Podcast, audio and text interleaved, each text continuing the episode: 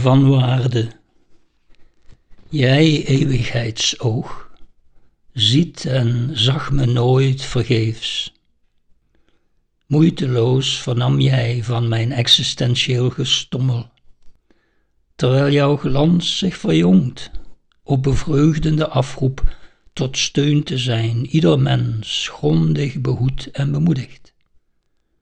Of berooid en verslagen, zoals ik, nietig restje waardigheid, onlangs zonk op het wit fluweel van een archaïsche vulkaanvloer, waar Boeddha's kolken en in rouw beleven, bevrijdend lichaam op lichaam, niemand ontzien.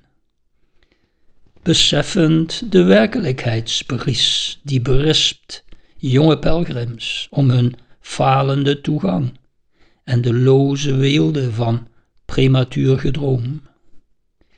Bleek ook ik zo'n dolende vlok, zoon van mythisch sliertenvolk, gelokt door etherische geuren van echtheid.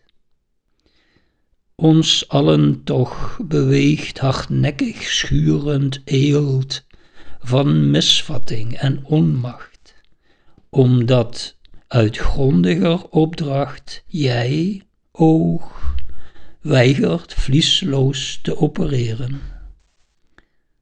Leid op zijn minst in kosmisch welkom ons alvast door je toetsingstraject, met zijn kansrijke toevlucht en eindeloos veel eisender visie opdat ooit jouw vredige hartstocht blijvend geneest het geest bezwendelend wondvlees, en nooit immenser zich, welk mens dan ook, waardeert.